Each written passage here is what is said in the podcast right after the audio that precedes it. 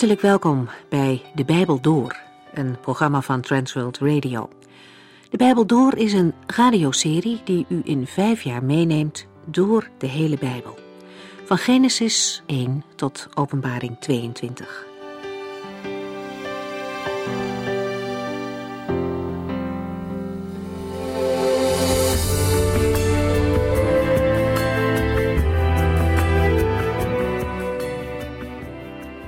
We zijn de vorige keer begonnen in het laatste Bijbelboek van het Oude Testament, en dat is Maleachi. In Zacharia hebben we een indrukwekkend slot gelezen over de eindtijd, waarin het koningschap van de Heere over de hele aarde voorzegd wordt. Maar daarmee is dit deel van de Bijbel nog niet uit. God stuurt nog een profeet, Maleachi. Hij stuurt hem naar het volk Israël met een indringende boodschap. Net als Zacharia en Haggai treedt Maleachi op na de ballingschap als een deel van de Joden weer terug is in eigen land. Er is een goed begin geweest. Mensen dienden de Here weer en werkten aan de wederopbouw van het land en met name aan de tempel. Toch raakt de eerste liefde voor de Here al gauw weer wat op de achtergrond. Maleachi doet opnieuw een appel op het volk om de Here met een volkomen hart te dienen. Halfslachtigheid is nooit de bedoeling geweest van de Here. Malachi is een boek waarin we lezen dat de relatie tussen de Here en zijn volk gekenmerkt wordt door echtheid. Echte liefde, die samen opgaat met heiligheid en toewijding. En het is net zo goed een oproep voor christenen. In het begin van openbaring lezen we dat de Heere tegen de gemeente in Efeze zegt dat zij haar eerste liefde verlaten heeft. Hij heeft gezien dat deze gelovigen niet zoveel meer van hem houden als in het begin en vraagt hen om terug te keren naar die eerste liefde. Want zelf houdt de Heere innig veel van hen. Ook wij mogen uitkijken naar de toekomst. Hij heeft gezien dat deze gelovigen niet zoveel meer van hem houden als in het begin en vraagt hen om terug te keren naar die eerste liefde. Want zelf houdt de Heere innig veel van hen. Ook wij mogen uitkijken naar de komst van de Heere. En in de tussentijd is het belangrijk om de boodschap van Maleachi zelf ook ter harte te nemen. De Heere heeft ons lief, met een eeuwige liefde, en hij vraagt van ons om van hem te houden met heel ons hart. We lezen vandaag uit Maleachi 1.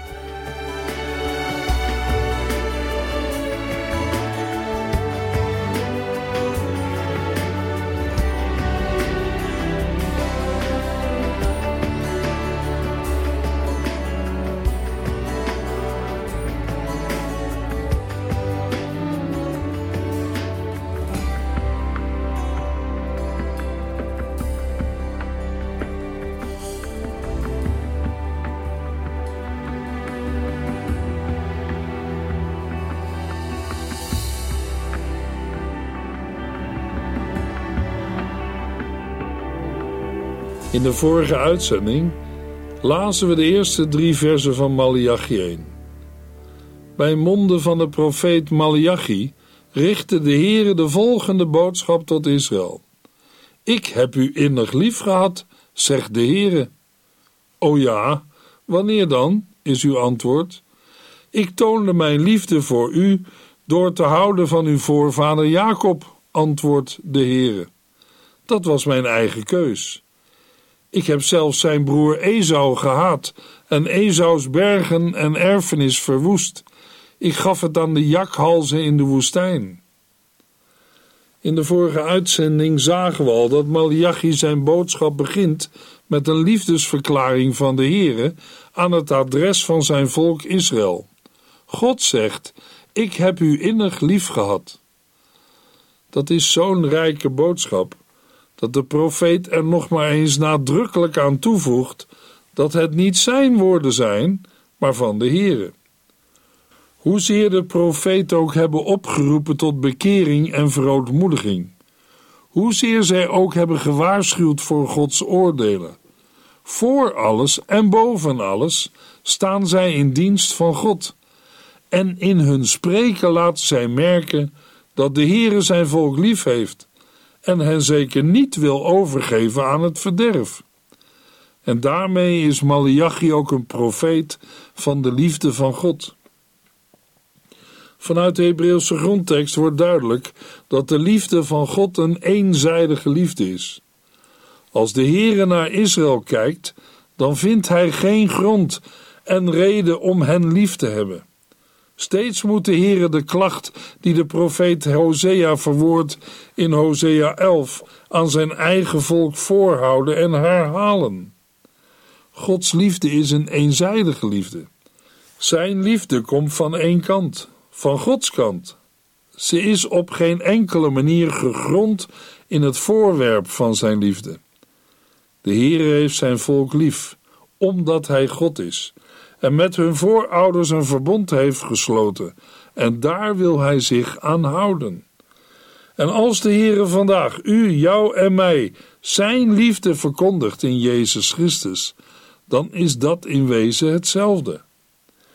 In Romeinen 5, vers 8 en 9 lezen we: Maar God heeft ons zijn grote liefde getoond door Christus te sturen en Hem voor ons te laten sterven, toen wij nog schuldige zondaars waren. We zijn dus voor God rechtvaardig geworden door het bloed van Christus. Des te meer zal Hij ervoor zorgen dat Gods vreselijke oordeel aan ons voorbij gaat. Wie deze liefde leert kennen, ontdekt het geheim van Gods genade. In Titus 3, vers 4 tot en met 7 lezen we maar toen de tijd aanbrak dat God ons, door de komst van zijn zoon, zijn liefde en vriendelijkheid zou tonen, heeft hij ons gered. Niet omdat wij het hadden verdiend, maar omdat hij met ontferming over ons bewogen was en medelijden met ons had. Hij heeft onze zonden afgewassen, ons nieuw leven gegeven en ons vernield door de Heilige Geest die Hij rijkelijk over ons heeft uitgegoten. En dat allemaal om wat Jezus Christus, onze Redder, heeft gedaan. Dankzij Zijn genade zijn wij voor God rechtvaardig verklaard en erfgenamen geworden van het eeuwige leven, waar wij nu op hopen. De Heer is in het Oude Testament en Nieuwe Testament de liefdevolle Vader die zijn kind kwijt is. En de Heere zoekt tot op de dag van vandaag naar verloren mensen om hen zijn liefde te schenken. Maar in een liefdesrelatie kan niets gedwongen zijn of gemaakt. Daarom vraagt de Heer aan zijn volk, maar ook aan u, jou en mij: Ik heb je lief. Wil je de rest van je leven met mij door het leven gaan? Het is de verantwoordelijkheid van ieder mens om daar persoonlijk antwoord op te geven. Die verantwoordelijkheid is niet overdraagbaar, bijvoorbeeld aan je ouders, broer of zus, een dominee of een voorganger. Nee, als iemand, en in dit geval is het de Heere God, tegen jou zegt: Ik hou van jou, dan moet je zelf antwoord geven. En geen antwoord geven is God laten staan. En zeg je in wezen: U houdt wel van mij, maar ik niet van u. Als u of jij er zo over denkt, dan wil ik je aanmoedigen er nog eens goed over na te denken. Want de consequenties van het afwijzen van Gods liefdesverklaring zijn desastreus. Ook daarin is Israël een voorbeeld waar wij van moeten leren. Malachi 1 vers 2 Ik heb u innig lief gehad, zegt de Heere.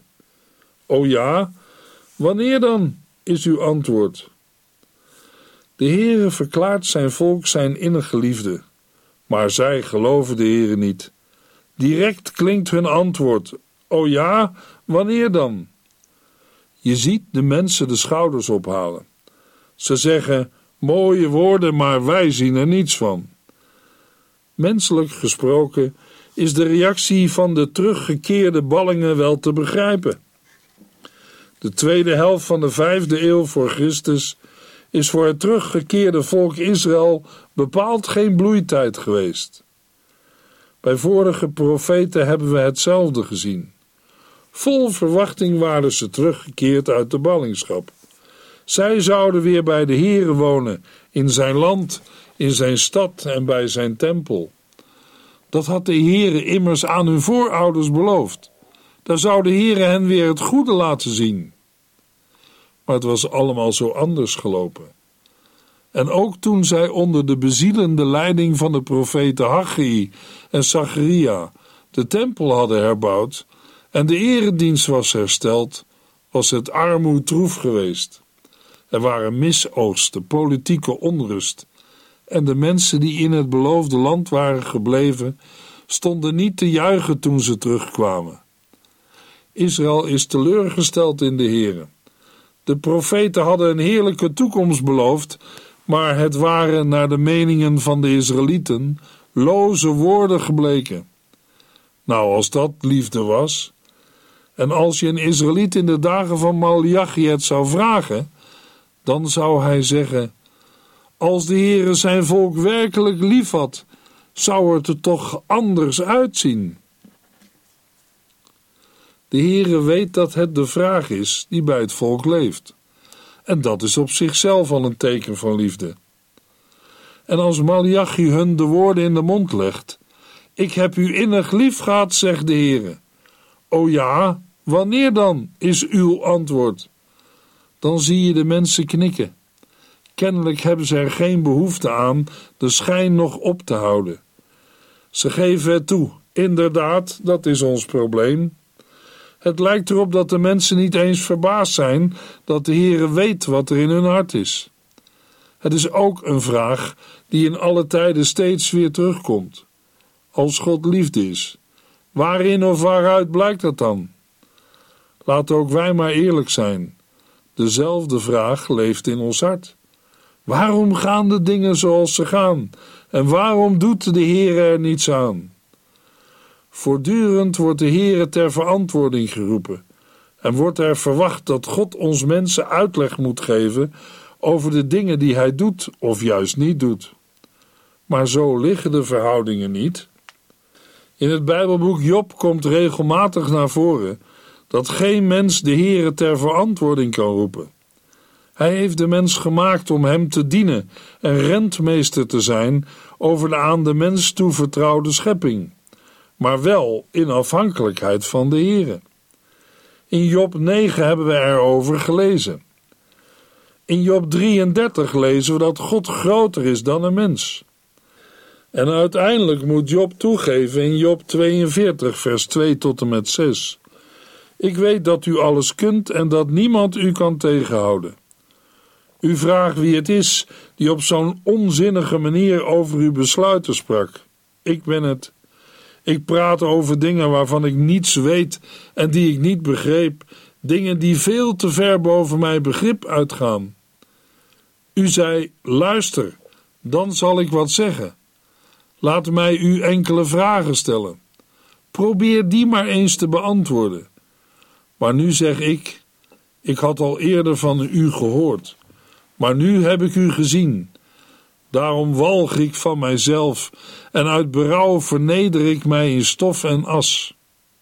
Tja, daar sta je dan als mens met je grote mond, totdat je ontdekt dat je een nietig en klein mensje bent, een zondaar, die zich niet aan Gods afspraken kan houden, tenzij de Heere zelf in een oplossing voorziet.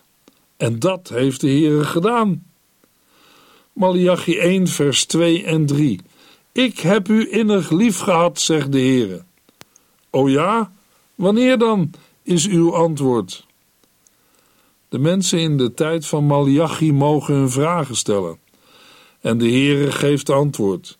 Ik toonde mijn liefde voor u door te houden van uw voorvader Jacob, antwoordt de Heere. Dat was mijn eigen keus. Ik heb zelfs zijn broer Esau gehaat en Esau's bergen en erfenis verwoest. Ik gaf het aan de jakhalzen in de woestijn. Ik kan me goed voorstellen dat er luisteraars zijn die niet direct enthousiast zijn over dit antwoord. Mogelijk dat iemand vraagt: Is het wel een antwoord? Een ander zal denken dat het nu dogmatisch wordt en over de uitverkiezing zal gaan. Maar laten we eerst goed luisteren naar wat de Heer in deze verse zegt en geen voorwaardige conclusies trekken. De Heere geeft antwoord met een duidelijk en sprekend voorbeeld. De hoorders van Malachi, en ook wij, worden meegenomen naar de tenten van Isaac, waar Esau en Jacob geboren zijn. Tussen die twee jongens is er geen verschil. Ze zijn van dezelfde vader en moeder, broers en ook nog tweelingen. Toch heeft de Heere Jacob liefgehad, niet omdat hij rechten had. Esau was de eerstgeborene. Ook niet omdat hij meer was dan zijn broer Esau, integendeel. De Heere noemt hem de mindere. En ook niet omdat hij beter was. Esau krijgt een naam die herinnert aan de kleur van zijn haar, de rozige. Jacob krijgt een naam die iets zegt van zijn aard, zijn leven, de bedrieger. Die naam is in de Bijbel bijna een synoniem geworden voor zondaar, doelmisser. Zo beleidt Jacob in Pniel dan ook wie hij is voor God. Hij is Jacob, de zondaar, die alleen van genade leven kan. De Heere zegt: Ik toonde mijn liefde voor u door te houden van uw vader Jacob. Waarin is dat gebleken? Niet omdat het Jacob voor de wind is gegaan. Tegenover Farao beleidt hij dat zijn dagen weinig en kwaad of hard zijn geweest. In het leven van Jacob is inderdaad veel moeite, rouw en verdriet aan te wijzen. Toch heeft de Heere Jacob liefgehad. Dat is vanuit Jacob niet te verklaren. Gods liefde tot Jacob is een liefde ondanks het feit dat Jacob een bedrieger en zondaar was. God heeft Jacob liefgehad, zonder enige verdienste van Jacobs kant. Jacob had het niet verdiend en de Heere was het ook niet aan Jacob verplicht. Toch heeft de Heere hem liefgehad. En waarin bleek die liefde van God? Dat Jacob alles kreeg wat hij wilde hebben? Kreeg hij een mooi en makkelijk leventje? Nee, de liefde van God in Jacobs leven kwam hierin uit dat hij de God van Jacob had tot zijn hulp, dat God zijn God wilde zijn. We lezen het in Psalm 146, vers 5. Gelukkig is hij die zijn hulp ontvangt van de God van Jacob, die alles verwacht van de Heere zijn God. Toen Jacob dat had geleerd, kon hij tegen Esau, die veel had, zeggen: Ik heb toch alles? Hij had de Heere, of beter gezegd, de Heere had Jacob. En dan heeft de mens alles. Dan is er vrede, geluk en zaligheid. En dat die zaligheid een zaak van vrije genade is, van onverdiende gunst, bleek toen Jacob op zijn sterfbed kon zeggen: Ik wacht op uw heil, o Heere. Dan krijgt een gelovige niet altijd wat hij of zij graag zou willen. Denk aan Paulus, als hij bidt over de doorn in zijn vlees en de Heere zegt: Mijn genade is voor u genoeg. Dan ontneemt de Heere soms wat wij niet kunnen missen. Dan gaat God met zijn volk door een donker dal. Dan zijn er soms al die moeilijke dingen die Paulus in Romeinen 8 noemt: onderdrukking, nood, vervolging, honger, ontbering, gevaren en de dood. Maar door Gods genade kan de apostel zeggen: niets van dat alles kan ons scheiden van Gods liefde, die ons gegeven is in Christus Jezus, onze Heer. Maar hoe zit het dan met Esau? Ik heb zelfs zijn broer Esau gehaat, lazen we in Malachi. En dat komt terug in het Nieuwe Testament. In Romeinen 9, vers 13, waar we lezen: Want er staat in de boeken dat God gezegd heeft: Jacob heb ik lief gehad, maar Esau heb ik gehaat. Voor God stond dat al vast, hoewel zij nog niet eens geboren waren en geen goed of kwaad hadden gedaan. Daardoor is duidelijk dat God nooit iemand uitkiest op grond van diens daden, maar omdat hij hem roept. Nu zal iemand kunnen vragen: Maar als het er zo met je voor staat, dan kun je er toch niets aan doen? Maar wij moeten daarbij niet vergeten dat Esau niet om de zegen van de eerstgeborene heeft gevraagd. Hij verkwanselde die voor een bord linzensoep. Daarmee weigerde hij de plaats die de Heere hem aanwees. Esau vertrouwde op zijn eigen kracht. Dat doen zijn nakomelingen uit Edom ook in de tijd van Malachi. We lezen het in Malachi 1 vers 3 en 4. Ik heb zelfs zijn broer Esau gehaat en Esau's bergen en erfenis verwoest. Ik gaf het aan de jakhals in de woestijn. Als zijn nakomelingen zouden zeggen: Wij willen deze puinhopen weer opbouwen, dan zou ik, de Heere van de hemelse legers, antwoorden: Probeer het maar. Ik zal het werk weer vernietigen. Want hun land heet land van de wetteloosheid. En hun volk, volk waarop de Heere voor altijd toornig is. In deze verse zegt Edom: Wij komen er wel weer bovenop. Wij zullen wel zorgen dat alles in orde komt. In wezen is er dan steeds verzet tegen de plaats die de Heer hen heeft gewezen, en vertrouwen zij meer op hun eigen kracht dan op God. Edom heeft de Heer niet nodig, maar God zal het hen leren, zoals hij het Esau leerde, die geen plaats voor zijn berouw vond toen hij die tenslotte onder tranen zocht. In Hebreeën 12, vers 16 en 17 lezen we: Let er ook op dat niemand van u het heilige zo minacht als Esau, die als oudste zoon zijn rechten ruilde voor een bord eten. Want u weet het, toen hij die rechten terug wilde hebben, was het te laat. Het hielp niets dat hij huilde. Hij kreeg geen kans meer tot inkeer. Malachi 1 vers 5 Och, Israël, Kijk toch eens hoe groot de Heer is en wat Hij allemaal doet. Dan zult u zeggen: werkelijk, de macht van de Heere reikt tot ver buiten ons gebied. In vers 5 gaat de Heere nog een stap verder. Zijn antwoord op de vraag van Israël was duidelijk. Kijk maar naar Jacob en Esau. Jacob heb ik lief gehad. Maar de vraag van Israël was niet alleen: is dat zo? Ze zaten ook met de vraag: is Gods liefde ook ergens te zien? In vers 5 vraagt de Heer aan Israël: Kijk nu eens naar het grote verschil tussen Esau en Jacob, tussen de kinderen van Gods toorn en de kinderen van Gods liefde. In wezen gaat het om hetzelfde probleem waar Asaf mee worstelde in Psalm 73. Hoe leven de ongelovigen? Wat Asaf ervan ziet, brengt hem tot de uitspraak in vers 12 en 13: Zonder zorgen worden zij alleen maar rijker en rijker. Voor niets heb ik zuiver geleefd, mij ver gehouden van onrecht. Wij kunnen het vergelijken met mensen die vandaag zeggen: Wat heeft het voor zin om te geloven? Het levert toch niets op. Maar in Psalm 73, vers 17 is hij, Asaf, tot een ander inzicht gekomen.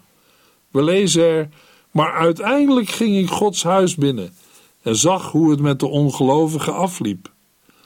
Dan ziet Asaf de dwaasheid van zijn bitterheid in. En moet hij toegeven dat hij zich onredelijk tegenover de Heer heeft gedragen. In Psalm 73, vers 23 beleidt Asaf: Toch zal ik altijd bij u blijven u houdt mij stevig vast. En dat is nu precies het omgekeerde van wat mensen van nature tegen God zeggen. Ze zetten een grote mond op tegen God en verachten de mensen. Luisteraar, heeft u, heb jij eerbied en ontzag voor God? Malachi 1, vers 6 tot en met 7a. Een zoon heeft eerbied voor zijn vader en een knecht voor zijn heer. Maar als ik uw vader ben, waar blijft dan de eerbied voor mij? En als ik uw heer ben, waarom is er dan geen ontzag? vraagt de Heere van de hemelse legers. Zelfs de priesters minachten mij. Wat? Doen wij dat, zegt u? Wanneer hebben wij minachting voor u gehad? In vers 6 begint de Heere via de profeet Malachi een tweede gesprek met zijn volk. Het gesprek begint met een algemene regel. Het is vanzelfsprekend dat een zoon eerbied heeft voor zijn vader en een knecht voor zijn heer.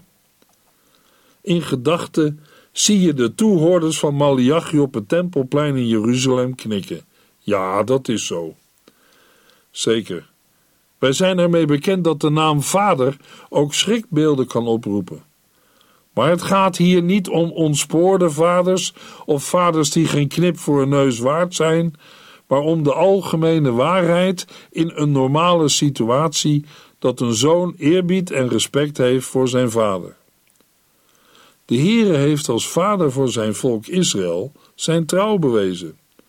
Toch moet hij vragen: Maar als ik uw vader ben, waar blijft dan de eerbied voor mij? En als ik uw Heer ben, waarom is er dan geen ontzag? De woorden geven de indruk dat de mensen op het tempelplein instemmend hebben geknikt. Ja, de Heere is hun vader.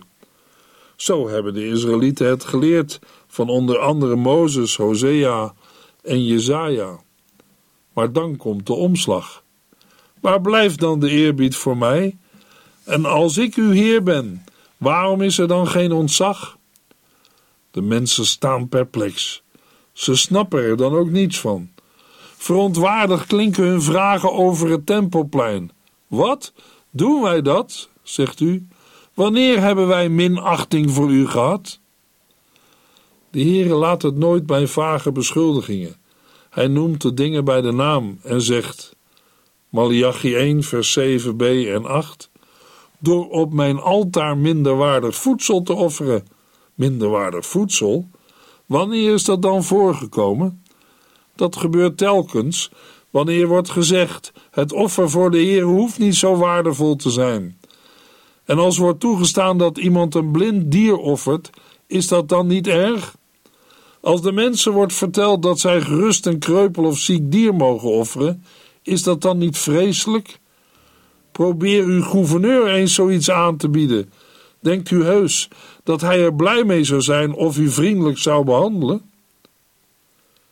Ik denk dat het stil is geworden op het tempelplein toen Malachi de vragen stelde en de woorden met bewijzen onderbouwde. En wij? Krijgt de Heere van ons wat hij waard is? Geven wij hem waar hij recht op heeft? Daarover meer in de volgende uitzending. Dan lezen we Malachi 1, vers 8 tot en met 13.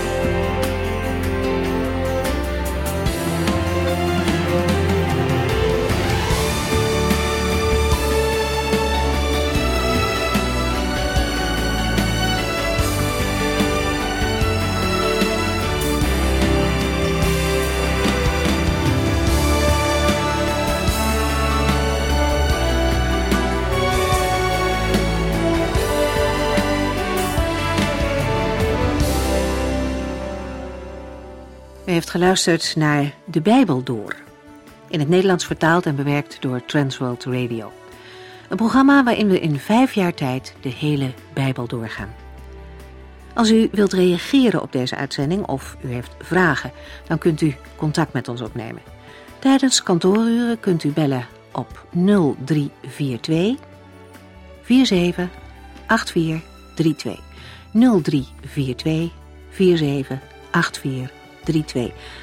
Ook kunt u een e-mail sturen naar de Bijbel door transworldradio.nl en natuurlijk kunt u ook via de post ons bereiken. TWR, postbus 371, postcode 3770, AJ in Barneveld. Dit programma werd gepresenteerd door Corweda en Ike André. Techniek was in handen van Odin van Woerdenkom. En namens ons allemaal bedanken we u van harte voor het luisteren.